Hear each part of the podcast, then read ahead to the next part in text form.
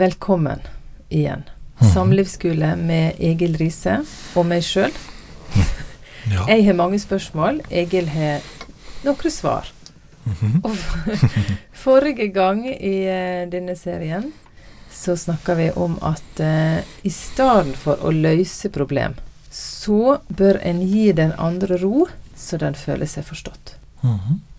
Og Egil, vi skal ha en liten føljetong på den. Mhm. Vi skal eh, lære hvordan vi kan møte den andre, Ja. så de føler seg forstått. ja. Du vet, jeg har sagt før at menner menn de er veldig gode på forståelse. Mm. Det må man være hvis man skal være god på jakt.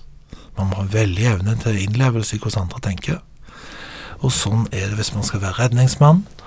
Og hvis man planlegger for fotballkamper, så må man være god til å planlegge. Og sånn er det i forretninger òg. Man må være gode til å lese og forstå hva andre tenker.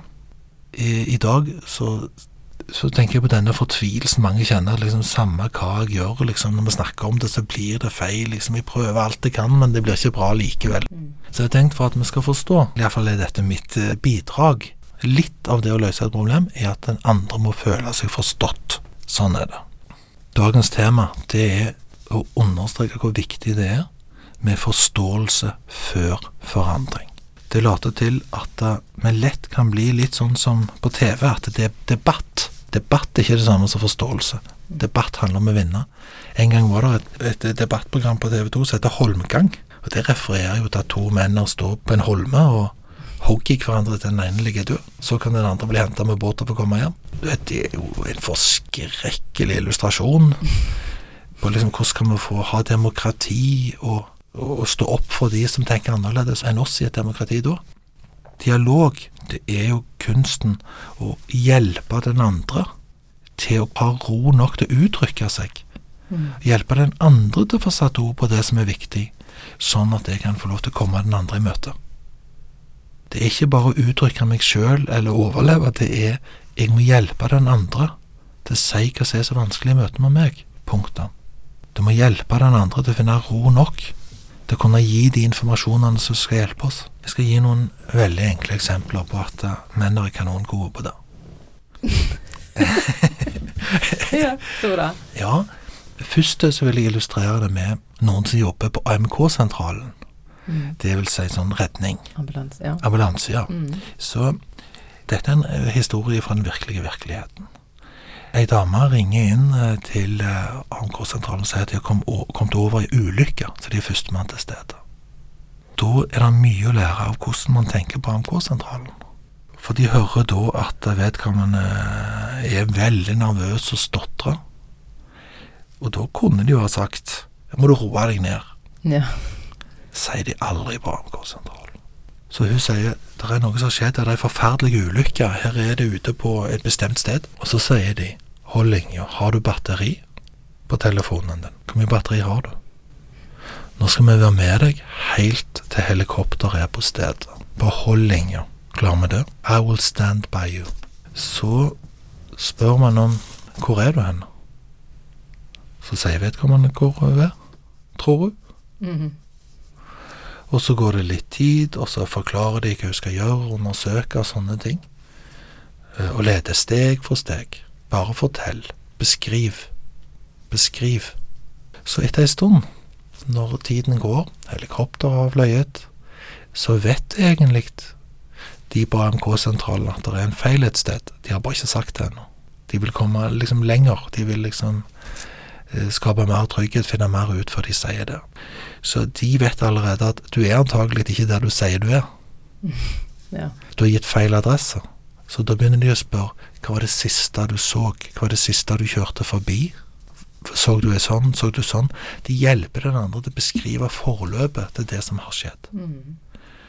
Hva er resultatet av det? Jo, resultatet er at de har holdt den andre rolig nok til å kunne samle seg, løse oppgaver og ta imot innspill. Og holde kontakten underveis. Er du med? Mm. Det forstår jo gode menn. You got to keep the woman calm. To. En far forstår alltid dette.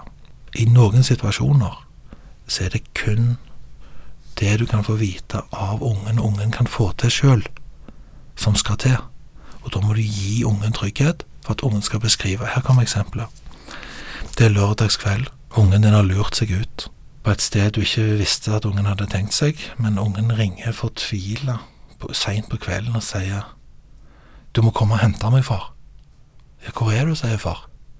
Så sier han Jeg aner ikke, men kom. Hva er det far ikke sier da? Hva er det du har funnet på nå? Det sier ikke far.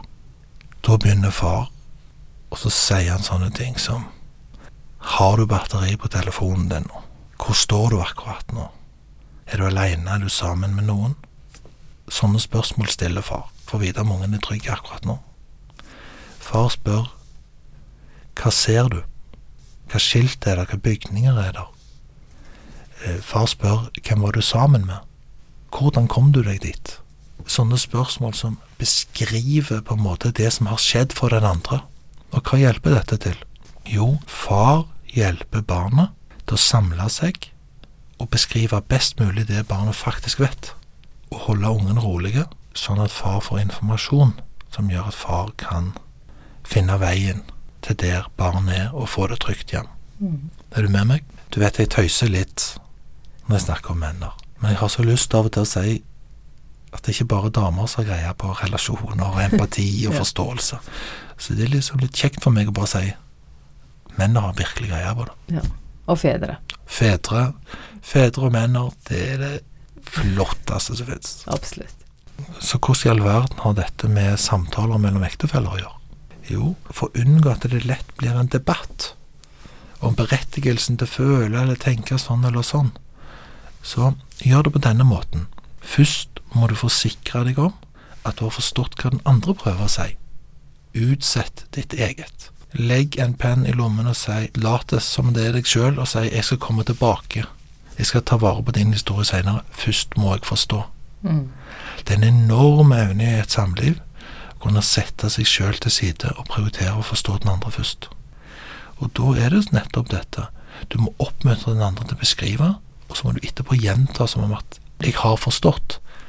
Og Her kommer det tre-fire enkle spørsmål, da, som er bra å stille hva er det du ønsker å fortelle meg om når det gjelder f.eks. dette temaet? Hva er det du ønsker å ta opp? Det er bra å bare stille deg spørsmålet. To, hva tenker du om dette? Hvilke tanker har du? Og så svarer gjerne den andre, og da må man ikke gjøre den feil at man tror den andre har svart. Da må man bare stille spørsmålet et par ganger til. Har du flere tanker om det?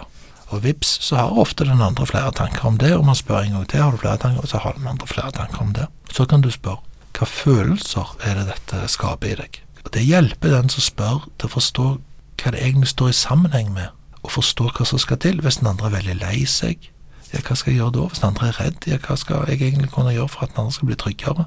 Hvis den andre er opprørt og syns noe er urettferdig, hva er det? Så følelser hjelper oss til å forstå hva det dreier seg om. Så hva føler du? Spør flere ganger om det hva den andre føler. Gjerne spør om det er din forhistorie til dette. Spør du den andre hva skrekkscenarioet er. Dere tar opp økonomi. Så får du virkelig tak i hva dype røtter det rører i den andre dette temaet her. Og Hvis du spør hva drømmescenarioet er, så hjelper det deg til å finne ut hva den egentlig den andre håper på eller vil med mm. dette. Så du skjønner liksom hva vei du må gå. Disse spørsmålene de er enkle og hjelpsomme, og du kan stille dem i dag. Mm. Hva tenker du egentlig med Har du flere tanker om det? Det er fint å bli spurt om sånt. Noe av det beste jeg veit min mann sier til meg, det er 'fortell'. Det går på akkurat dette, sant? Og da får du sagt det. Og da føles det godt. Da har du roen. Så det tror jeg er akkurat det du snakker om. Så da tror jeg vi bare oppfordrer til det, da. Så sier vi Jeg tror at en mann skulle ha vært her i dag, jeg, og så kunne han sagt det, det beste rådet. Det er keep calm, ja. og bare si til henne 'fortell, I'm all yours'.